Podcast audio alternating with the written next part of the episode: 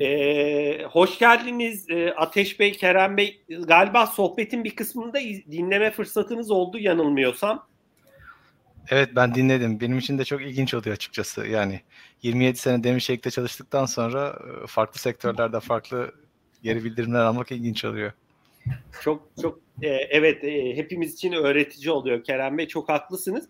Ben dilerseniz e, sohbetimize başlayalım. Eğer bir ek bir yorumunuz yoksa bilmiyorum belki ilk oturumla ilgili bir yorumunuz olabilir.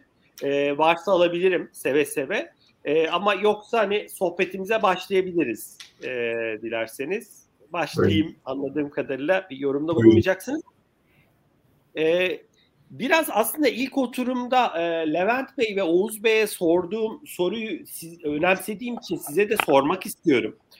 E, yani geldiğimiz noktayı dünyanın yaşa, dünyada yaşananlar, teknolojinin e, yıkıcı etkisi, pandemi, küresel çevre sorunları biraz dünyanın bir kritik bir e, süreçten tarihsel olarak geçtiğini düşünüyor musunuz? Levent Bey, Oğuz Bey ya zaten dünya farklı süreçlerden binlerce yıldır geçti. Yani bu da onlardan biri dedi ama bu dönemi özel kılan bir nokta var mı sizce? Ee, bu süreçte e, e, EY, Borçelik özelinde de hani liderlik ekibine neler düştüğünü düşünüyorsunuz? Ee, ve biraz belki de başarıyı iki şirketin de üst düzey yöneticisi olarak nasıl tanımlıyorsunuz şirketleriniz açısından ve kendiniz açısından? Biraz böyle çok soru gibi oldu ama vaktimiz var. Ee, ben hani sözü sizlere bırakıyorum. Ee, nasıl başlayalım? Ee, siz karar verin isterseniz. Kim başlamak ister? Ateş Bey buyurun lütfen. Sağ olun, teşekkür ederim. O zaman ilk sözü olduğu için şimdi bugün için de çok kısa bir şey söyleyeyim. Ee, 10 Kasım Ulu Önder Gazi Mustafa Kemal Atatürk'ü de öncelikle sevgi, saygı, özlem, minnetle anmak istiyorum. Öyle söze başlayayım. Ee, özel bir gün. Ee, önceki e, tamamını dinleyemedim. Son kısmını yakaladım ama e, çok güzel bir özet vardı aslında. Bir sürü konuya da e, dokunuldu. Benim izleyebildiğim, dinleyebildiğim kadarıyla. E, şu görüşe katılıyorum. Aslında baktığınızda bir tarih kesti aldığınızda çok büyük farklı olaylar iş dünyasını, insanları etkilemiş durumda. Bunlar işle ilgili konular olabilir, afetler olabilir, salgınlar olabilir. Bunların hepsinde de aslında bir dönüm noktası diyebileceğimiz e, o mihenk taşları önemli olan e, adımlara e, geçebilmek için süreçler yaşanmış. Ama hepsinin kendine göre farklı bir açısı var tabii. Bugün geldiğimiz dünyada hep karşılaştırmayı eskiye göre yapıyoruz. Çünkü gelecek bilinmez ama tabii hayallerimiz var, fikirlerimiz var. Ona erişeceğimiz bir sürü konu var. Ee, ama iş hayatına ben baktığım zaman geçmiş, geçen yüzyılda başladım. Öyle bir ayrım oldu 2000'lere girdiğimizde. O zaman 2000'leri bekliyorduk. Şimdi çok farklı şeyler bekliyoruz. Şimdi bunları niye söylüyorum? Baktığımızda çok önemli bir dönem içerisinden geçtik. Ee, belki filmlere konu oldu ya da olabilecek. Belki hikaye olarak anlatsanız kimsenin inanmayacağı süreçlere dahil olduk evlere kapandık. Bir sürü farklı durumlar söz konusu oldu. Bu tabii ister istemez e, değil sadece iş hayatını insanı etkiledi. Zaten insanı etkilediği noktada, ona dokunduğu noktada her tarafı da büyük bir etkisi olduğunu görüyoruz. E, büyük bir değişim, e, büyük bir farklılaşma ama bunu nasıl algılamak lazım? Biz şöyle görüyoruz. Her değişim farklı, her değişim, her farklılık, her zorlama ama kontrol dışı olay bizi yeni bir duruma hazırlıyor. Yeni aksiyonlar almamız için bizi kamçılıyor. Kamçılamada iyi yönden bakarak söylüyorum. Neden? Aslında biraz insan daha öne çıkmış oldu. İnsanla ilgili değerler daha öne çıkmış oldu. Ee, burada bizim başarı diye artık tanımlamak istediğimiz kavram farklı yönlere de gitmeye başladı. Çünkü biliyorsunuz e, Nasıl söyleyebiliriz başarıyı? Başarı sizin başlangıçta öngördüğünüz bir şeye ulaşmanız oluyor. Ama aslında o öngörüler e, bizi getirdiği nokta pandeminin mutlaka ki farklı farklı aksiyonları almak hatta bunları biraz hızlandırılmış şekilde almaya gerektirdi.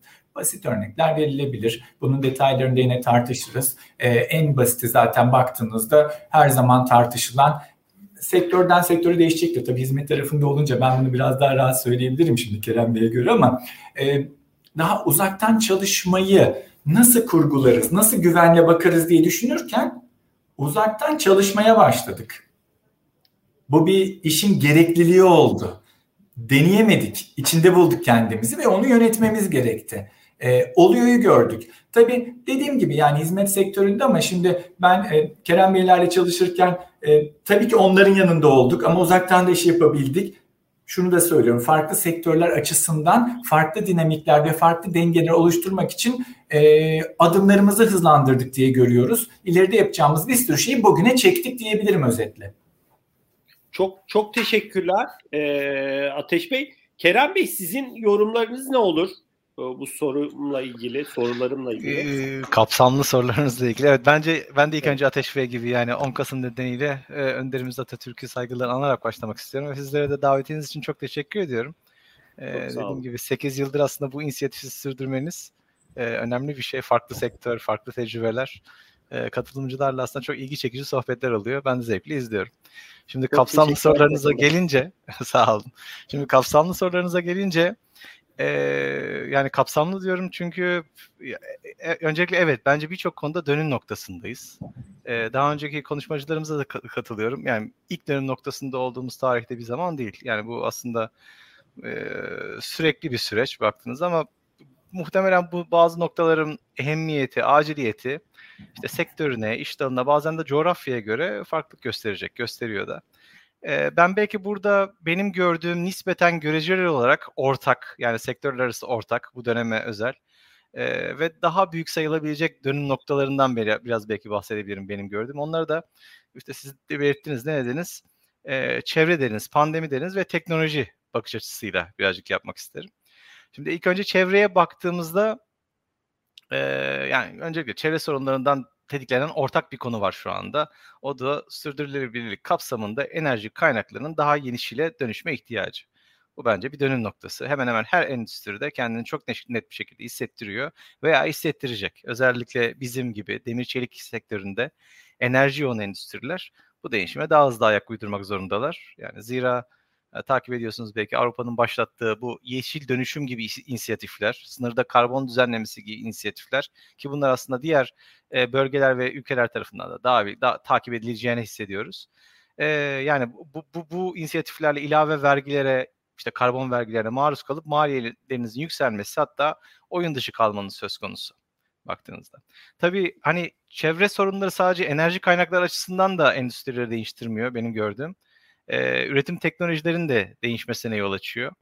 Yani yine kendi sektörümden örnek vereceksek e, demir çelik sektörü de hani belki çimento sektörü gibi diyebilirim. O iki sektör bu bakımdan birbirine benzer. Üretim esnasında yani sadece enerji değil kimyasal reaksiyon nedeniyle bir karbon salınımı yaratan sektörlerde. Yani şimdi bu kimyasal reaksiyon detayına girip sizi çok boğmak istemiyorum ama yani özetle doğadaki demir cevherini e, şey saf e, demire çevirirken demir cevherindeki oksijeni almak, redüklemek gerekiyor. Bunu da şu anda karbonla yapıyoruz. Yani kok kömürüyle yapıyoruz. E, karbonun C'si oksijenle birleştiğinde CO2 yani sera gazlarının en büyüğü ortaya çıkıyor. Şu anda mesela bu çevresel baskılar nedeniyle redüklemenin karbonla değil hidrojenle yapılması şu anda e, çalışılıyor. Yani burada da hidrojen H O ile birleşecek. Yani dolayısıyla atık olarak bacasından karbondioksit, CO2 çıkan demir çelik tesislerini artık hani borularından saf su akan e, tesislere geçip bu baktığınızda aslında benim için çok büyük bir dönüm noktası. E, tabii bu hemen yarın olacak bir şey değil ama e, baktığınızda mutlaka önümüze bir dönüm noktası olarak karşımıza gelecek. E, ikinci değişken olarak ne dediniz? E, çevre dedik pandemi. Yani pandemiyi belirtmiştiniz. Yani tabii bunun da bize sosyolojik olarak yaşattığı bazı keskin dönüm noktaları olduğu bir gerçek. Yani öncelikle hani çalışma şeklimiz, ortak paylaştığımız çalışma ortamlarındaki alış, alışkanlıklarımız kökten değişti. Hani ben hatırlıyorum yani eskiden 38 derece ateşle aksırarak işe gelmek bir marifetti. Ee, veya illaki yüz yüze görüşeceğiz diye o uçaktan bu arabaya atla, bu toplantıdan o konferansı iç görüştürmesine git. Hani bunlar marifetti. Şimdi hepimiz şu iletişim tarzına e, işte adına uzaktan çalışma dersiniz, hibrit dersiniz. Bu yeni modellere çok hızlı adapte olduk. Ve eskisine de tamamen geri döneceğimizi zaten düşünmüyorum. E, tabii burada e, Ateş Bey de belirtti. Yani bazı endüstriler bu dönüm noktalarından biraz daha etkileniyorlar. Örnek verecek olursam imalat endüstrisi, sanayi. Hani burada çalışanların uzaktan e, evden üretim yapma imkanı yok. E, üretim hattı sorumluluğu olan arkadaşlarımız hattın başında olması gerekiyor. E, dolayısıyla yani imalat sektöründe faaliyet gösteren şirketlerin bu çalışma modellerine şirketin genelindeki adalet duygusunu da düşünerek dikkatli bir şekilde yaklaşacaklarını düşünüyorum. Bunu da doğru buluyorum. E, pandemi yani sosyal bakımdan bir gördüğüm şey de tedarik zincirinde köklü değişiklikler yaratıyor, yaratacak. E, yani gelişmiş batı endüstrileri zaman içerisinde e, ciddi maliyet kaygılarıyla birçok parçayı ara mamülü uzak doğuna özellikle Çin'e outsource ettiler. Hatta zaman içerisinde öyle bir duruma geldi ki birçok ara parçada neredeyse tamamen uzak doğuya bağımlı durumdaydılar.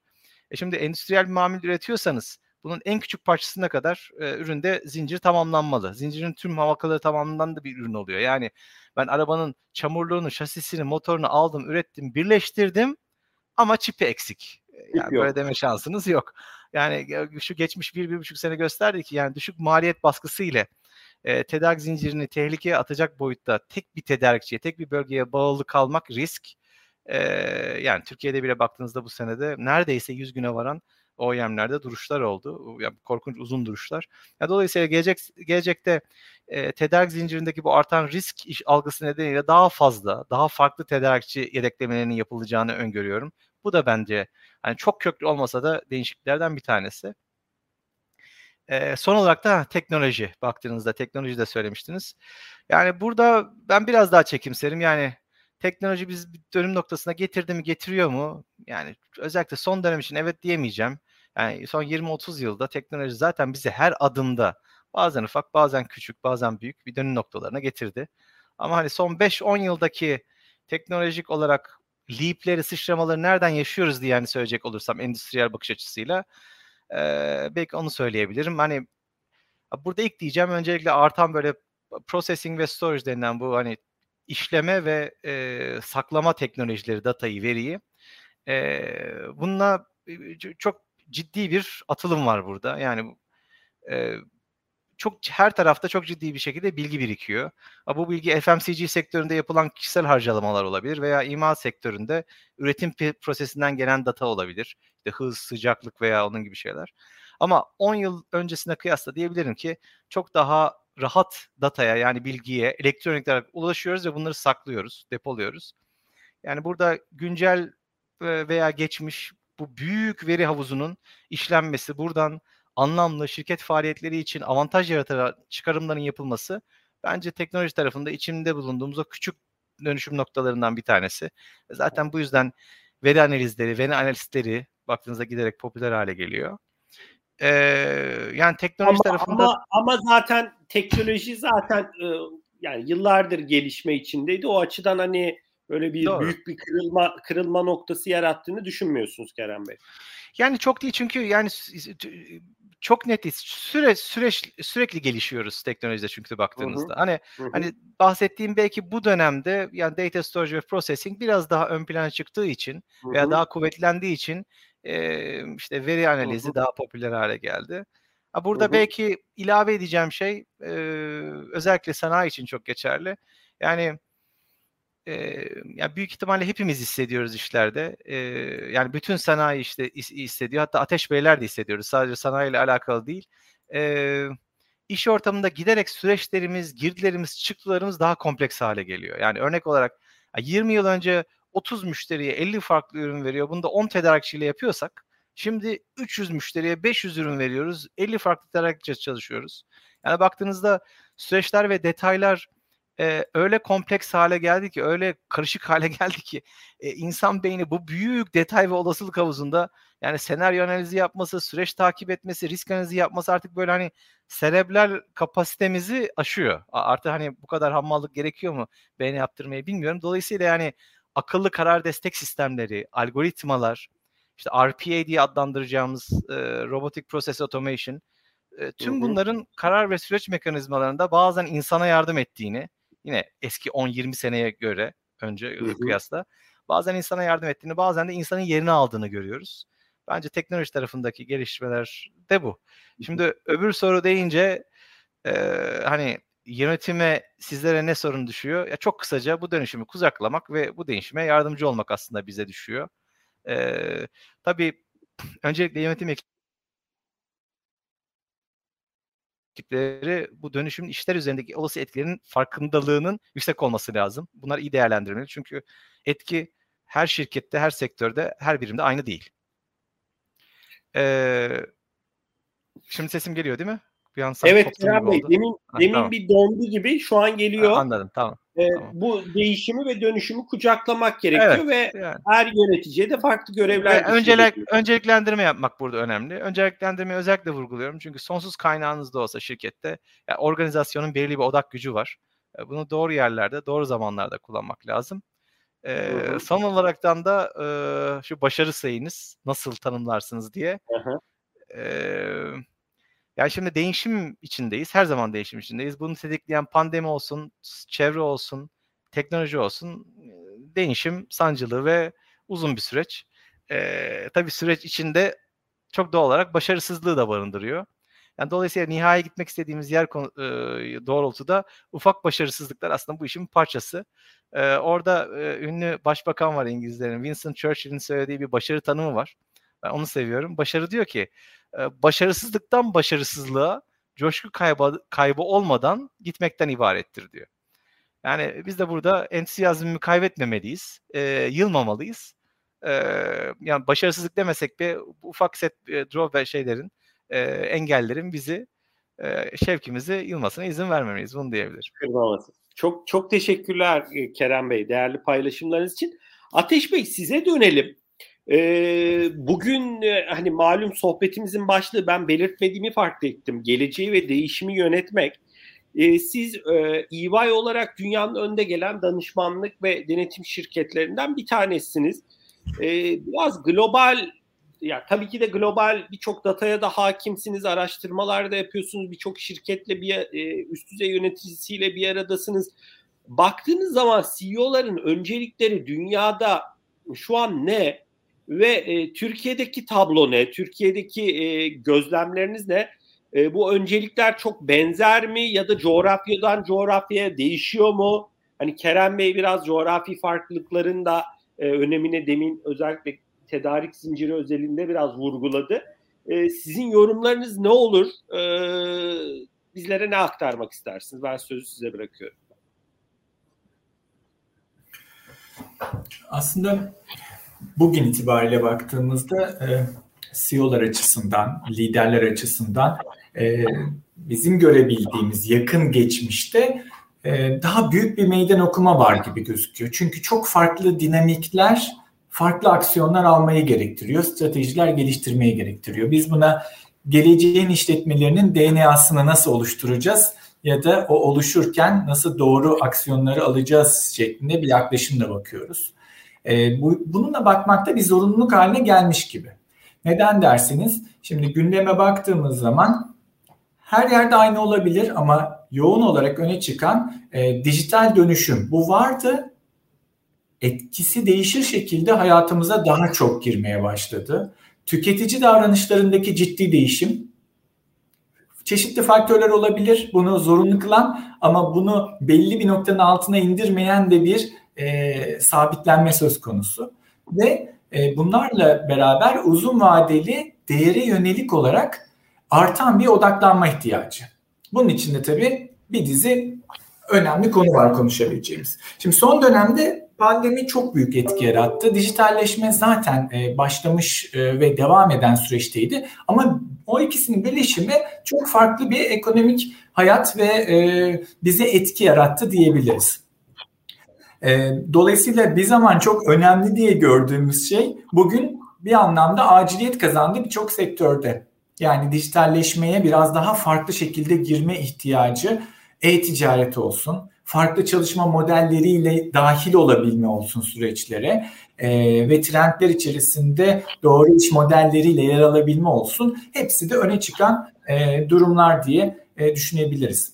Şimdi Kerem Bey de bahsetti tedarik zinciri pandemi döneminde çok önemli oldu. Nakit akışının ciddi şekilde etkisi önemli oldu. Tedarik zinciri güçlenmediyse artık onun arkasında çok e, güçlü, e, rahat duramadığınızda e, ciddi kayıplar yaşanabileceğini tecrübe etmeye başladık. Teknolojik açıdan da finansal, teknolojik açıdan da bunu e, destekleyebilecek pozisyonları mutlaka şirketlerin e, yaratması gerektiğini gördük.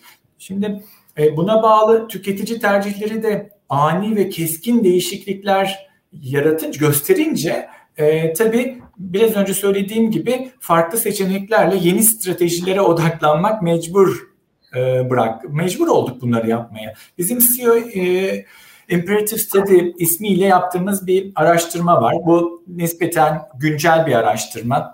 Aslında e, uluslararası anlamda baktığımızda global CEO'lardan 300'den fazla e, CEO ile e, görüşülerek yapılmış bir araştırma. E, bu araştırmadaki sonuçlara genel anlamda baktığımızda e, bazı ufak farklılıklar olmakla beraber e, Türkiye'deki yaklaşımdan da çok da değişmediğini görüyoruz. Dolayısıyla dünya aslında bir trendde gidiyor. Tabii şirketlerin sektörleri, e, bulundukları yapılar, e, hangi coğrafyadan nereye hitap ettikleri, bunu nasıl yönettikleri ayrı bir e, konu ya da farklılaşan nokta olarak karşımıza çıkabilir. Ama genel düzenli düzenine bakarsak bu nüans ve farklılıkları dışarıda bıraktığımızda bir doğrultuda gittiğini görebiliyoruz. Şimdi oranlara baktım. Orada e, CEO'ların 63 örneğin %63'ü bu CEO'ların teknoloji ve dijital inovasyonu kendi şirketlerini etkileyen en önemli trendler arasında görmüşler. Bu yok muydu pandemi öncesi? Vardı. Ama bugünün dünyasında e, biraz daha farklılaşarak e, bize etki ediyor. Oranları da bir taraftan çıkardım, notlardan bakıyorum e, doğru yönlendirebilmek için. E, bu onları nereye götürüyor aslında? Baktığımızda daha strateji ve büyüme tarafında portföylerine daha farklı bakma, onları yeniden şekillendirmek için e, önceliklendirme, ekosistemlerini yeniden tasarlama ihtiyacı ve daha iyi bir gelecek oluşturmak için neler yapabiliriz'i bir anlamda e, düşündürtüyor. Tabii Gelecek dediğimizde o yeni bir stratejiyi de bizim önümüze çıkartıyor. Çünkü gelecekte benim de söylediğim gibi insan odaklı e, bir modelle başlayan ve e, CEO'ları da çok cesur adımlar atmalarını gerektiren e, bir yolda olduğunu söyleyebiliriz. Şimdi pandemi döneminde yani çok genel bir belki sınıflama ama e, bugün için pandemi döneminden başlayarak bugüne geldiğimizde iki tür sınıflama yapabiliriz. Bazı şirketler tabii e, artık e, işlevselliğini kaybettiler ama var olanlar için ciddi şekilde atılım yapanlar var. Ve bu süreci yönetip hayatta kalanlar var. Çünkü sektör bazı baktığınızda hayatta kalanlar illa olumsuz anlamda görülmemesi gerekiyor. Çünkü öyle sektörler var ki hayatta kalabilmek aslında en büyük başarı olabilir yeri geldiğinde. Ee, turizm olabilir. Yani bunu şekillendirebiliriz. Farklı farklı sektörleri burada söylemek, alt sektörlere değinmek de mümkün. Dolayısıyla iş modellerini aslında biraz daha farklılaştırmak, e, onun tasarımını biraz daha e, daha farklı diye, şöyle diyeyim gözle bakmak gerektiriyor. Niye bu? Çünkü sürdürülebilirlik de e, bunun içerisinde e, önemli bir yer alacak. Sürdürülebilirlik tabii bir sürü aslında alanda bizim karşımıza çıkıyor ama iş hayatının da sürdürülebilir olması ve e, modelin ona uygun şekilde kurgulanması çok önemli. Çünkü o model kurgusu içerisinde eskiden baktığımızda daha çok hissedar yanlı bir yaklaşım vardı. Bugün orada farklı paydaşların dahiliyetini görüyoruz.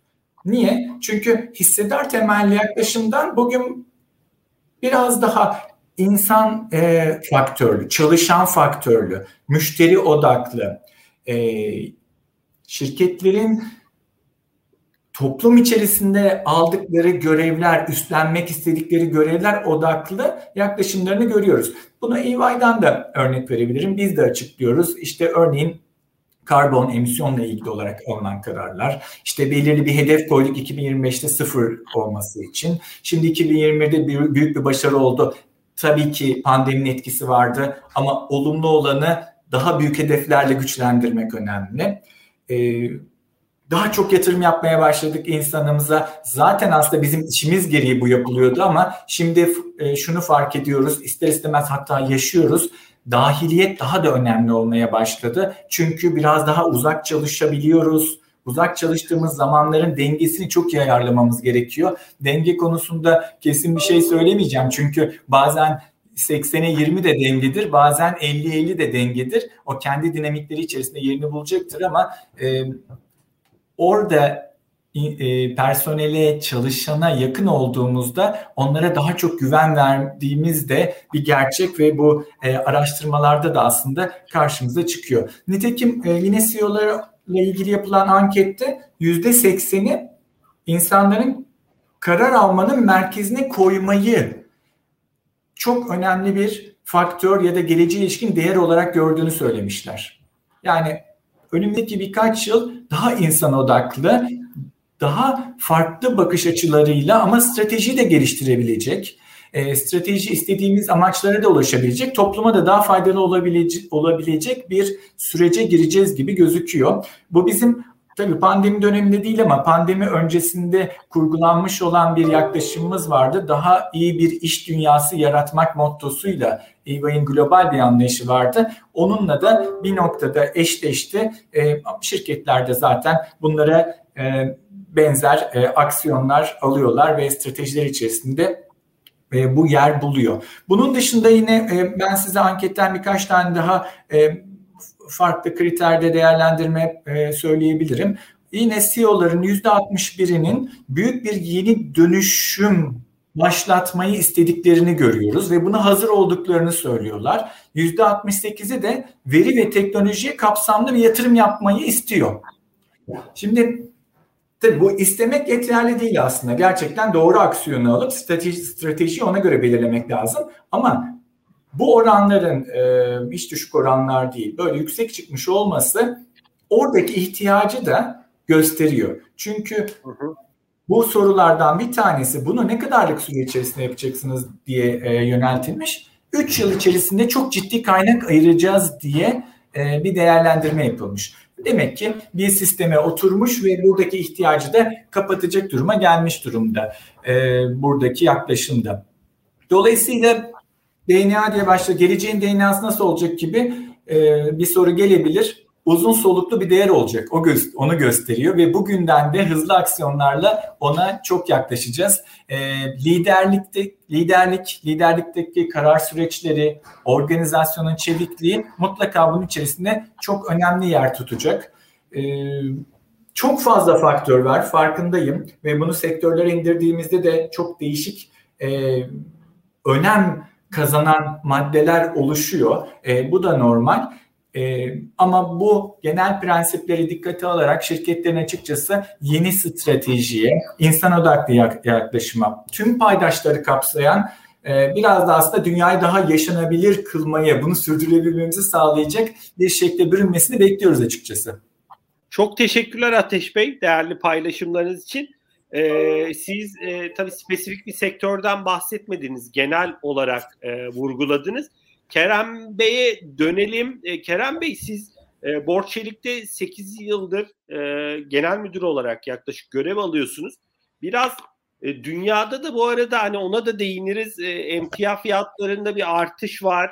Evet. E, biraz onun nedenlerine de bence girebiliriz. Sizin e, genel müdür olarak dönüp baktığınız zaman e, ajandanız nasıl değişti bu 7 yılda? E, demin az önce üretim teknolojilerindeki değişimin hani ajandalarınızdaki konu olduğundan bir e, bir e, biri olduğunu vurguladınız şirket olarak. Biraz şu an önceliklerinizde neler var? Biraz dünyada bu emtia fiyatlarındaki artışı nasıl görüyorsunuz? Demin şeyi söylediniz çok fazla sayıda hani daha kompleks hale geldi işler dediniz. Bu kompleksiteyi yönetmek için neler yapıyorsunuz? E, ben sözü size bırakıyorum Kerem Bey. teşekkürler. Ee, yani şimdi belki en e, nasıl diyeyim çekici olan şeyden başlayayım, sorunuzdan başlayayım. Fiyatlarla ilgili çünkü e, yani ben 8 yıldır evet şirketin genel müdürlüğünü yapıyorum ama 27 yıl senedir sektördeyim. 27 senedir ben böyle bir, bir, bir buçuk sene yaşadığımı açıkçası hatırlamıyorum. Bir daha da yaşar mıyım bilmiyorum. Yani çok çok sert tabii fiyatlar arttı. E, hatta yani bölgesel olaraktan söylersen mesela Amerika'da baktığımız fiyatlar hani bir buçuk sene içerisinde hani bizim yassı çelik üretiyoruz. Yassı çeliğin ham malzemesi sıcak saçtır. Oradan örnek vereyim. Sıcak saç dediğim kocaman bobinler böyle 20 tonluk. E, bunun tonu 500 dolarlardan işte baktığınızda 600 dolarda 2000-2200 dolar mertebelerine çıktı. Yani 4 kat arttı. E, ama yani dünyanın diğer bölgelerinde de fiyatların pandemi öncesine göre 2-3 kat arttığını görebiliriz. Yani burada tabii birkaç faktör var. Ee, ya bunlardan birincisi sadece demir özel değil. Yani tüm ekonomileri canlandırmak, canlandırmak için dünyada bütün merkez bankaların tabiri caizse deli gibi para bastı. E, para da kendine park edecek bir liman arıyor ekonomide. E, emtialar bu limanın başında geldi baktığınızda. E, limana tabii talep artınca limanın da fiyatları artıyor baktığınızda. Dolayısıyla hani sadece demir çelikte görmüyoruz birinci maddede. Tüm değerli maden, madenlerde de bu limanın aslında talebinin artmasıyla gelen bir etki karşımıza çıkıyor. Bütün değerli madenlerde de fiyatlar benzer şekilde yukarı çıktı. E, ikincisi yani belki hani gündemimi de oturan şeylerden konulardan bir tanesi daha sonra bahsedebilirim. Koruma önlemleriyle alakalı. E, yani dünyada koruma rüzgar koruma rüzgarları esiyor. Onu da daha sonra aslında gündemdeki maddeleri size özetlerken paylaşmak isterim. E, bu korumacılığın etkisiyle de bazı bölgelerde arz talep dengesi bozuldu ve ulusal ticaretle bu dengelenemedi. Öyle olunca ciddi bir de e, tedarik zinciri problemleri ve aslında e, fiyat artışları gözüktü. Yani üçüncüsü de onu da çok net gördük burada. Yani belki endüstri mühendisliği okuyanlarımız bilir. Ee, uzun tedarik zinciri olan endüstrilerde ki bizim tedarik zincirimiz aslında uzun. Yani demir çelikte. Yani cevherden, demir cevherinden bunu alıp otomobil kaportasındaki saca dönmesi en azından 6 ay sürüyor. Hani bizim sektörümüzde. Uzun bir tedarik zinciri var. Ee, uzun tedarik zinciri olan endüstrilerde bu İngilizcesi whiplash efekt denilen bu kamçı etkisi diye bir etki var. Ee, bir fenomen var. Yani müşteri tarafındaki zincirin müşteri tarafındaki ufak bir dalgalanma yani talep dalgalanması öbür tarafına fabrika tarafına geldiğinizde tedarik tarafına derdiğinizde çok daha sert bir şekilde yansıyor. E biz e, bu kadar sert frene basmaları ve gaza basmaları açıkça daha önce yaşamadık. Yani pandeminin ben hatırlıyorum e, Mart Nisan ayında yani otomotiv üretimimiz Türkiye'de dahil olmak üzere neredeyse sıfıra indi. Neredeyse değil uzun bir süre aslında duruş yaşadık. Ondan sonra tekrar gaza basmalar. Hani talepteki böyle e, dalgalanmanın e, aslında çok ciddi etkileri oldu e, şey tarafında e, üretici tarafında. E, dünyada da baktığınızda demir çelik kapasitesi sabit. Hatta demir çelik te, e, birçok demir çelik tesisi de korkudan kapasitelerini kapatmışlardı. E, bir demir çelik tesisinin tekrar faaliyete geçmesi böyle kap açtım gibi olmuyor. Düğmeyi çevirdim üretiyorum gibi olmuyor. Dolayısıyla bu dalgalanmaları aslında ayak uyduramaması da sektörün tarihinin çok ciddi bir şekilde aslında bazen e, yani kara borsa neredeyse diyebileceğim kıtlıklara ve fiyatında yükselmesine sebep e, verdi. Hani fiyatlardan böyle bir girizgah yapayım size. Hı hı. Çok sağ yani olun diğer Kerem sorularınız. E... Bu arada çok öğretici Kerem Bey. Her ne kadar yani siz şeyden endişe etmeyin. Yani e, çelik sektörü her ne kadar e, böyle son tüketiciye dokunmuyor gibi gözükse de aslında demin bahsettiğiniz otomotiv örneği ya da konut fiyatlarıdır vesairedir. Hani hayatımızı çok, değişik yönlerden çok, etkiliyor. Çok. O yüzden hani biz keyifle dinliyoruz. Şeyden endişe etmeyin yani son tüketici e, hayatına çok dokunmuyoruz gibi düşünmeyin yani. E, e, tabii doğru ama yani şimdi tabii McDonald's'tan sonra baktığınızda hani tabii ki tüketiciye dokunurluğu biraz daha az ama şunu söyleyebilirim yani borçelik olarak baktığınızda biz bir buçuk milyon ton saç üretiyoruz. Hani bunun içerisinde tabii ki çok değerli otomotiv müşterileri var. Hani saç dediğimiz şey aslında yani buzdolabı kapağı, buzdolabı kapağından otomobil kaportasına, radyatör peteğinden tutun da işte LCD televizyonların arkasındaki panele kadar her yerde kullanılıyor. Yani şu anda muhtemelen Türkiye'de kullandığınız aldığınız her beyaz eşyada bir borç çelik sacı var. İşte birkaç model dışında her üretilen arabada borç çelik sacı var. Dolayısıyla üretici enflasyonun aslında çok ciddi bir şekilde etkisi olan bir ürün. Doğru haklısınız. Şimdi dünyada Türkiye'de ne değişiklikler oluyor? Ajandamızda neler var? Hani birincisi bahsettim. Yani ilk kısımda da bahsettim. Yani çevresel etkilerin baskılar nedeniyle demir çelikte hani sadece teknolojiler değil döngüsel ekonomiye de bir dönüşüm görmekteyiz. Burada döngüsel ekonomiden kastım biraz daha hurdanın ön plana çıkıyor olması. Demir çelikte iki çeşit üretim teknolojisi var.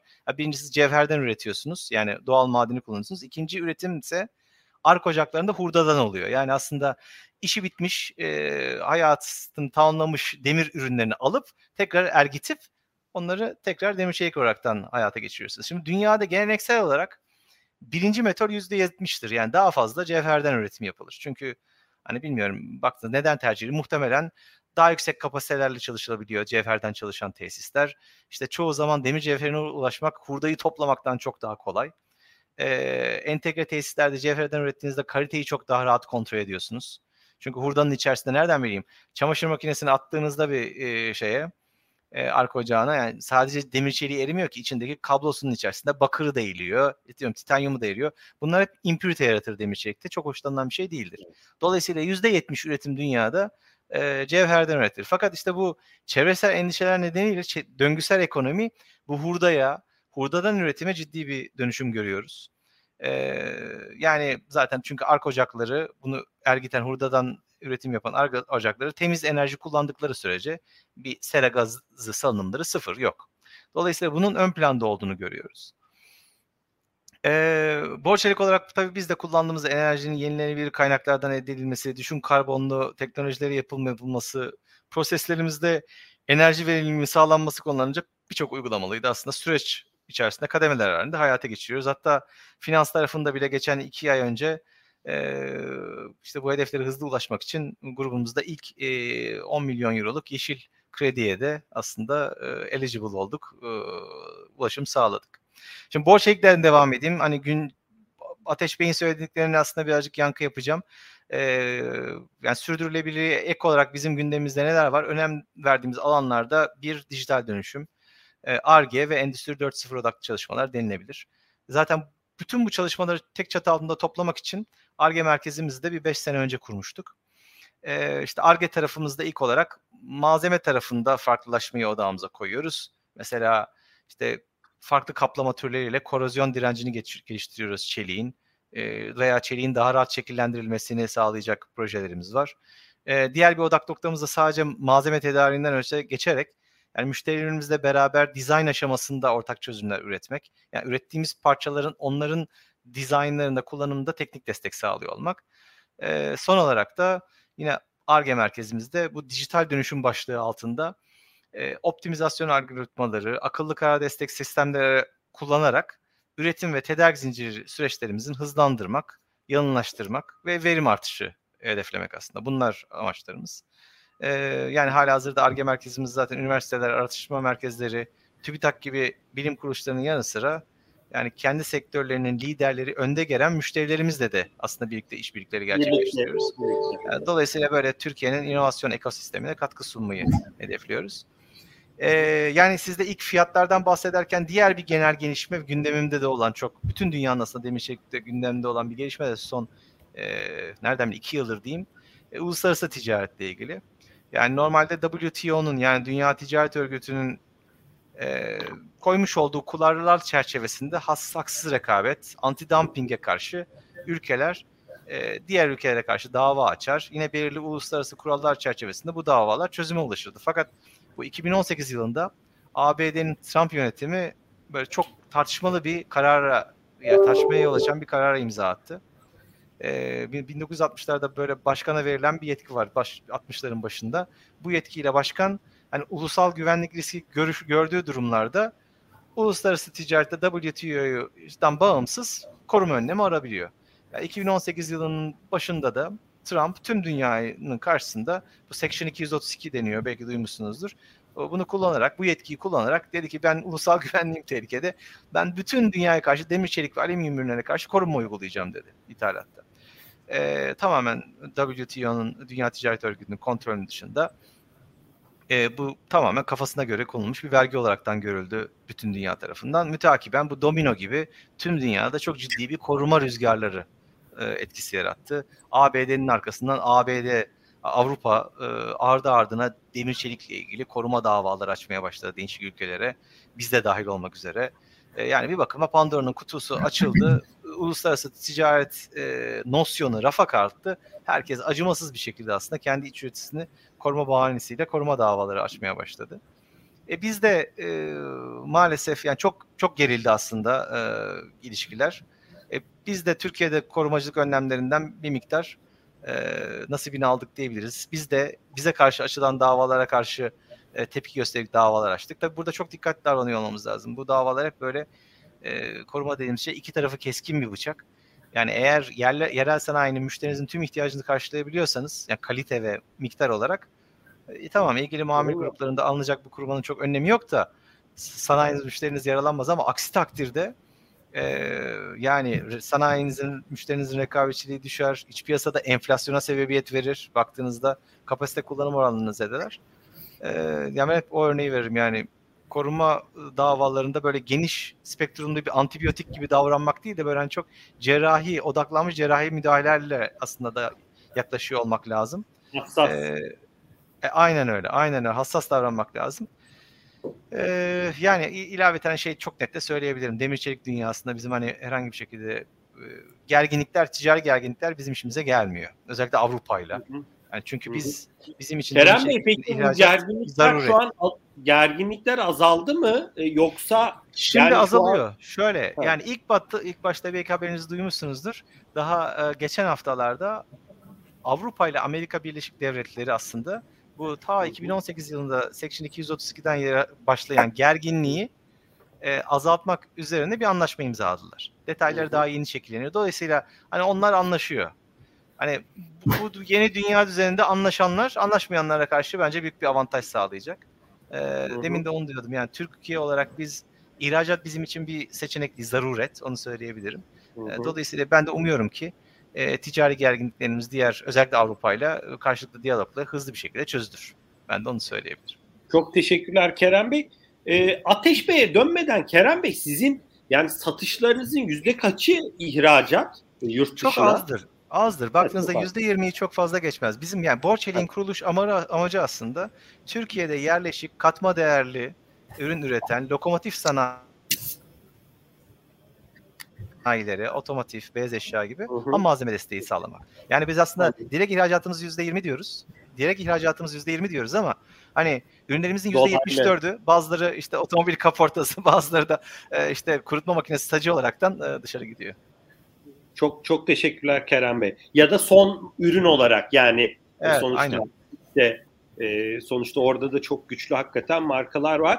E, Ateş Bey e, Sonuçta siz işiniz gereği birçok e, az önce de belirttiğim gibi şirketin yöneticisiyle bir araya geliyorsunuz. Biraz e, az önce de globaldeki araştırmalar, Türkiye'deki gözlemlerinize yönelik konuştunuz. E, yani bu dönüşümü, e, değişimi başarıyla yönetebilen şirketlerde gözlemlediğiniz özellikler ne oluyor? E, özellikle liderlik ekibinde. Biraz daha burada aksayan şirketlerde gözlemlediğiniz nedir? E, biraz nasıl ayrışıyor bu şirketler? E, bu konudaki içgörüleriniz ne olur, yorumlarınız ne olur? Ben sözü size bırakıyorum.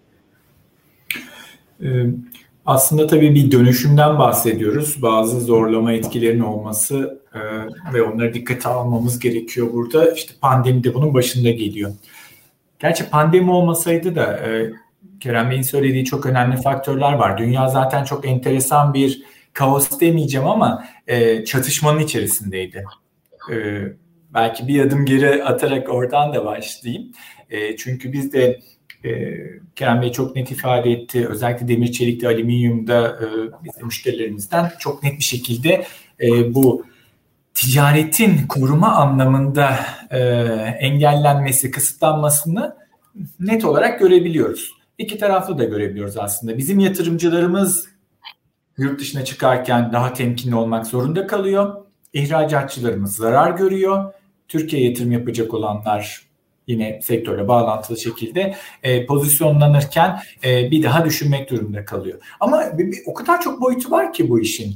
E, yani e, ticaretle ilgili örneğin e, çok doğru e, Hatta e, biraz da Kerem Bey onu daha e, yumuşak ifadeyle söyledi. Amerika'da işte Amerika'nın menfaatlerine uygun olmayan yaklaşım diye bir kavram var. Yani bu bizim menfaatlerimize uygun değilse bunu kabul etmeyiz diye. Doğrusu yanlışı başka. O tartışılır global eksende. Dolayısıyla e, bu dijitalleşme de mesela apayrı yerlerdeki e, süreçleri etkileyebiliyor. Mesela dijital hizmet vergisi diye bir e, ya da dijitalleşmenin e, getirdiği dünyada elde edilen gelirlerin hangi ülkelerce vergilendirileceğine ilişkin çok ciddi bir tartışma başladı. İnanın Kerem Bey'in biraz önce söylediği konunun bir kısmının kaynağında bu var. Şimdi diyeceksiniz ki ne bağlantısı var? İşte siz bizim şirketlerimize öyle vergiliyorsanız biz de size böyle korumacı durum şey gösteririz, tepki gösteririz. Ama öyle enteresan bir boyut ki. Mesela Amerika'da siz o demir çeliği alüminyumu alamazsınız. İçeride fiyatlar yükselecek çünkü ihtiyaç var. İhtiyaç olduğu için zaten dışarıdan ciddi şekilde alıyorsunuz. Bu sefer biraz önce o kadar çok alana hitap ediyor ki belki nihai tüketici doğrudan onu almıyor evet. Ama aldığının içinde oluyor. Şimdi bugünün dünyasında herkes her şeyi öğrendi. E, yolda yürüyenler ne oldu araba alabilecek miyiz? Çipler gelmiş mi diyor. Eskiden diyorlardı ki bizim arabada çip yok. Biz öyle bir şey görmedik diyorlardı. Şimdi çok ufak bir şey gibi görülen ama bütün o tedariğe gelemiyorsunuz. Üretime etkileyen bir nokta. E Amerika'da da ister istemez bir yerde farkına varıyorlar. Belki pozitif olan bir uzlaşı sağlanacak gibi. Ticaretin önünde engel olması çünkü e, engeller dünyada her şeyi bozuyor. Altındaki tüm dinamikleri, tüm paydaşları, tüm çalışanları, hissedarları herkesi çok etkiliyor. Ticaret serbest bir şekilde yürüyebiliyor olmalı. E, bu dijital e, dijitalleşmenin getirdiği sorunun ister istemez bir artçısı gibiydi. Onunla ilgili de biliyorsunuz geçen hafta sonu e, Roma'da e, liderler buluştu. Liderler buluşunca ben onlara siyasi sponsor diyorum. E, onlar dediler ki tamam biz anlaştık. Dijital hizmet vergilerini işte şu şekilde kaldırıyoruz ama büyük şirketleri de bu şekilde vergileyeceğiz. Çünkü kazanç aslında elde edilen e, elde edilen şirket nezdinde olur ama şimdi tüketimin olduğu yerde sanki vergilendirilecek gibi de bir anlayış başladı. Ama bir en azından ortak bir yerde buluşmuş durumdalar. Burada da güzel olan biz ülke olarak da e, o akımın içerisinde bir yol bulabilirsek e, bizim rakamlarımıza iyi etki etmesini bekliyoruz. Buradan şeye e, dönersek sizin sorunuza bağlama gibi oldu ama biraz da uzun oldu kusura bakmayın. Konusu gibi.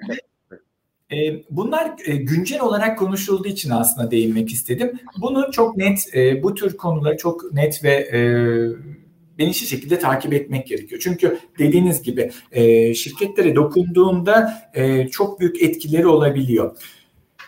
Pandemi sonrası ya da pandeminin içindeyiz belki hala değil mi? Aslında aşılarımız devam ediyor. Baktığımızda yüksek oranlı, Türkiye'de yüksek oranlı ülkelerden ama biraz daha kontrollü ve güvenli hareket edebiliyoruz. Alınan önlemlerden dolayı.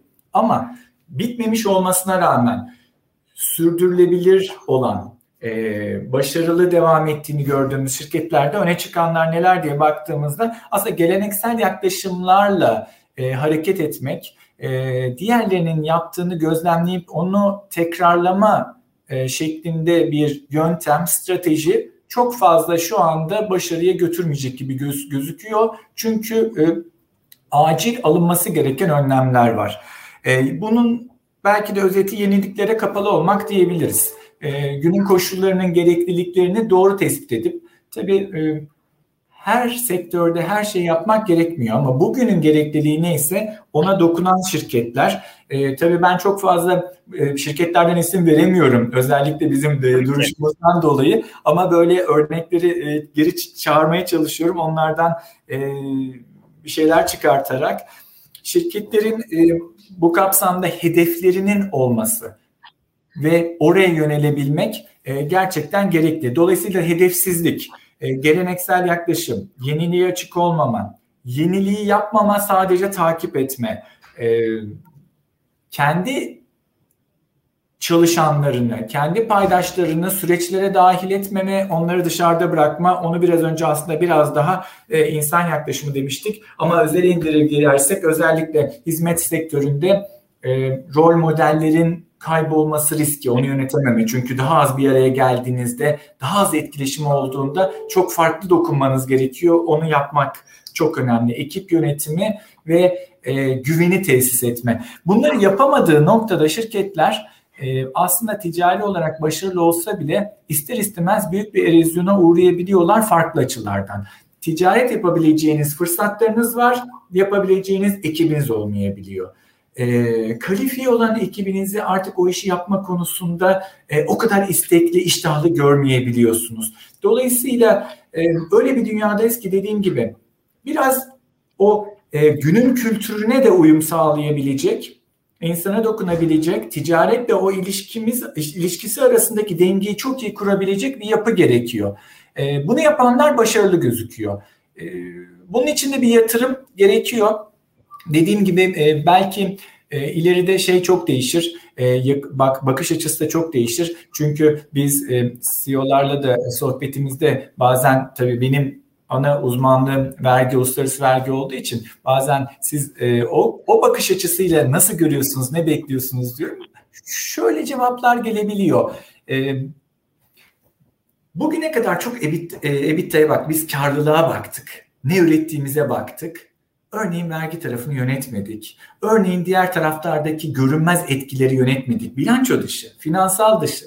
Ama onları içeri aldığımızda fark ettik ki onların getirdiği değer bu bizim baktığımız rakamı daha yukarı çıkartıyor. Oraya yaptığımız yatırımın dönüşü fazla, daha fazla oluyor. Dolayısıyla biraz daha uzun soluklu planlar, biraz daha cesaretli kararlar almak için e, uygun zamanlama diye de görüyorum. Ama dediğim gibi bu hem sektöre e, hem de e, şirketlerin yapısına göre çok değişecek. Çünkü finans sektörüne bakarsanız e, finans şu anda gördüğümüz büyük oyuncuların yanına mesela dijital bankacılık yapan aslında finans sektöründe olmayan bir sürü kurum gelecek. Bunun adımlarını da görmeye başlıyoruz. İşte dönüp e, apayrı bir sektöre gittiğinizde teknoloji platformlarına baktığınızda çok beklemeden çok hızlı şekilde aksiyon almaları gerekebilecek. Ee, biraz da kendi dinamikleriyle bunu birleştirerek hareket etmesi gerekiyor şirketlerin.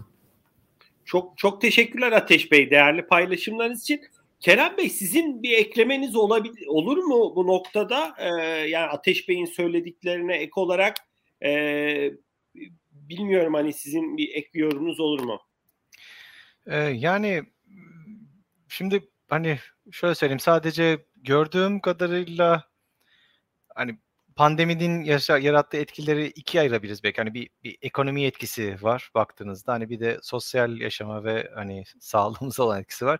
Hani açıkçası ekonomiye olan etkisi oradaki e, yaşananlar ne öğretti bize? Neler değişti? Hani çok bir şey değişti diyemeyeceğim. Yani çünkü kriz nereden gelirse gelsin, isterse virüsten gelsin, istersen nereden? Anayasa kitapçı atılsın, isterse dolar düşsün, ne olursa olsun. Hani ekonomiye veya iş tarafına etkisi hemen hemen benzer şekilde oluyor. Talepleri gibi düşüyor. İşte e, cash e, tedarik zinciri problemleri, cash flow problemleri başlıyor. Hani burada şanslıyız ki çok tecrübeli bir ekibimiz var bu tür krizleri çok geçirdik. Yani maalesef Türkiye'nin bir avantajı da bunu söyleyebilirim. Yani Türk firmaları yani immün demek istemiyorum krizlere karşı ama krizleri e, Avrupalı veya yurt dışındaki hemcinslerden çok daha iyi yönetiyorlar. Yani bu yani şey gibi e, Türk doktorları e, zorunlu hizmette ne kadar fazla e, şey yapıyorlarsa karşılaşıyorlarsa aslında pastayla o kadar iyi doktorları onun gibi bir şey söyleyebilirim. E, ya yani çok büyük artılarımız var bence. Yani bu talep daralmasında çok hızlı hareket edebiliyoruz. Hızlı hareket etmek çok önemli. Yani öğretilerimizden bir tanesi bu. Yani ekibin dediğim gibi tecrübeli, kriz geçirmiş bir ekip olması her zaman büyük bir avantaj.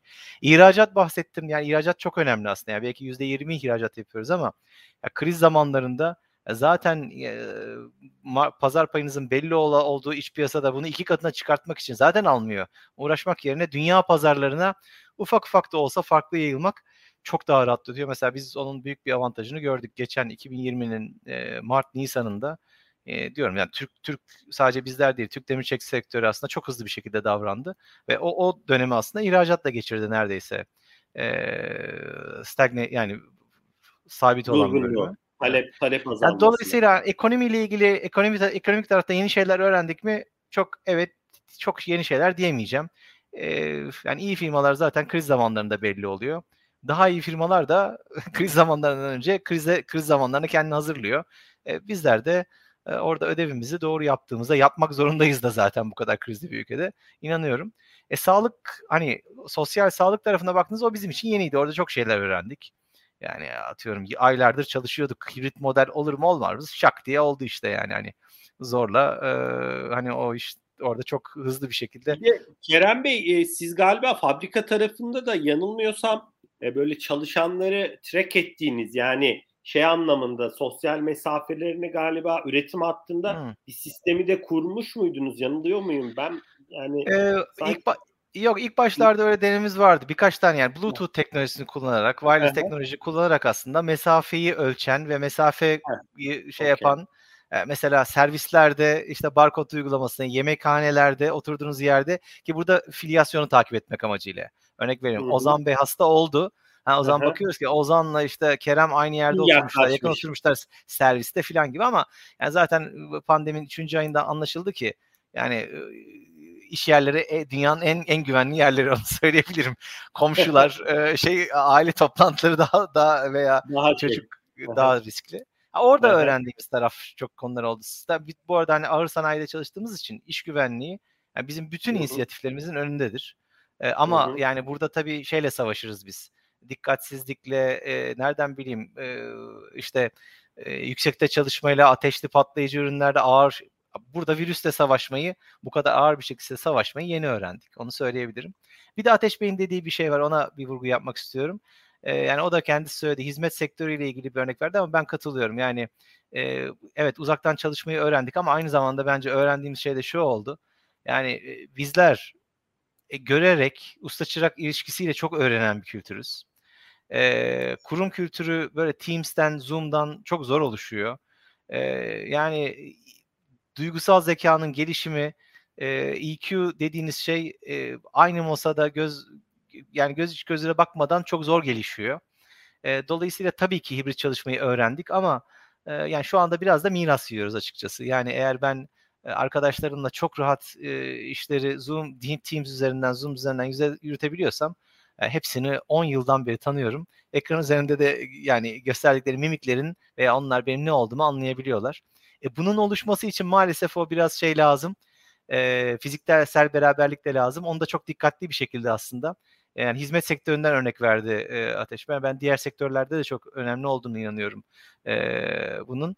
E, yeni jenerasyonun gelişimi yani verimli ve rekabetçi bir iş gücünün yetişimi için. Onu da söyleyeyim. Sağ olun. Çok çok teşekkürler Kerem Bey.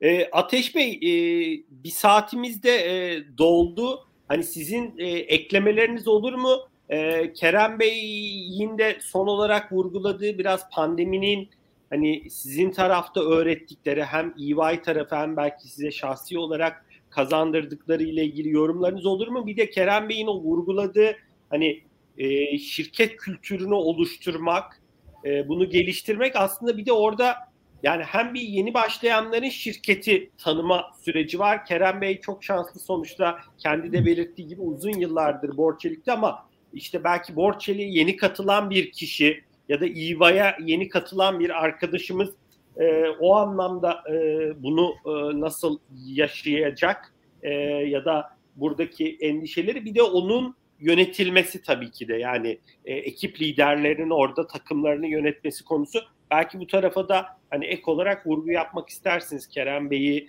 katkıda bulunmak amaçlı Kerem Bey'in söylediklerine ben sözü size bırakıyorum. Ateş evet. Ee, teşekkür ederim. Ee, bizim ben aslında EY Türkiye'den örnek vererek e, cevaplayabilirim. Şimdi 1800'e yakın çalışanımız var e, Türkiye'de sadece.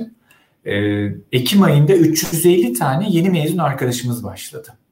Şimdi normalde pandemi dönemi olmasaydı aslında çok daha farklı bir dünya olacaktı. Kerem Bey çok güzel söyledi. Dokunmak, bir, bir arada olmak, mimikler, hareketler bunlar çok önemli. Ve e, bizde de işte işte öğrenme olayı çok önemli. Tabii ki uzaktan bir şeyler yapabiliyorsunuz. Hep tartışırdık. Hangi ölçüde yapalım? Ne kadar izin verelim? Nasıl kontrol edeceğiz? Mecbur kaldık yaptık. Mecbur değilken aynı ölçüde mi devam ederiz? Soru işareti. Belirli alanlarda belki farklı esneklikler olacak ama insanların farklı e, yaşam alanları oluyor.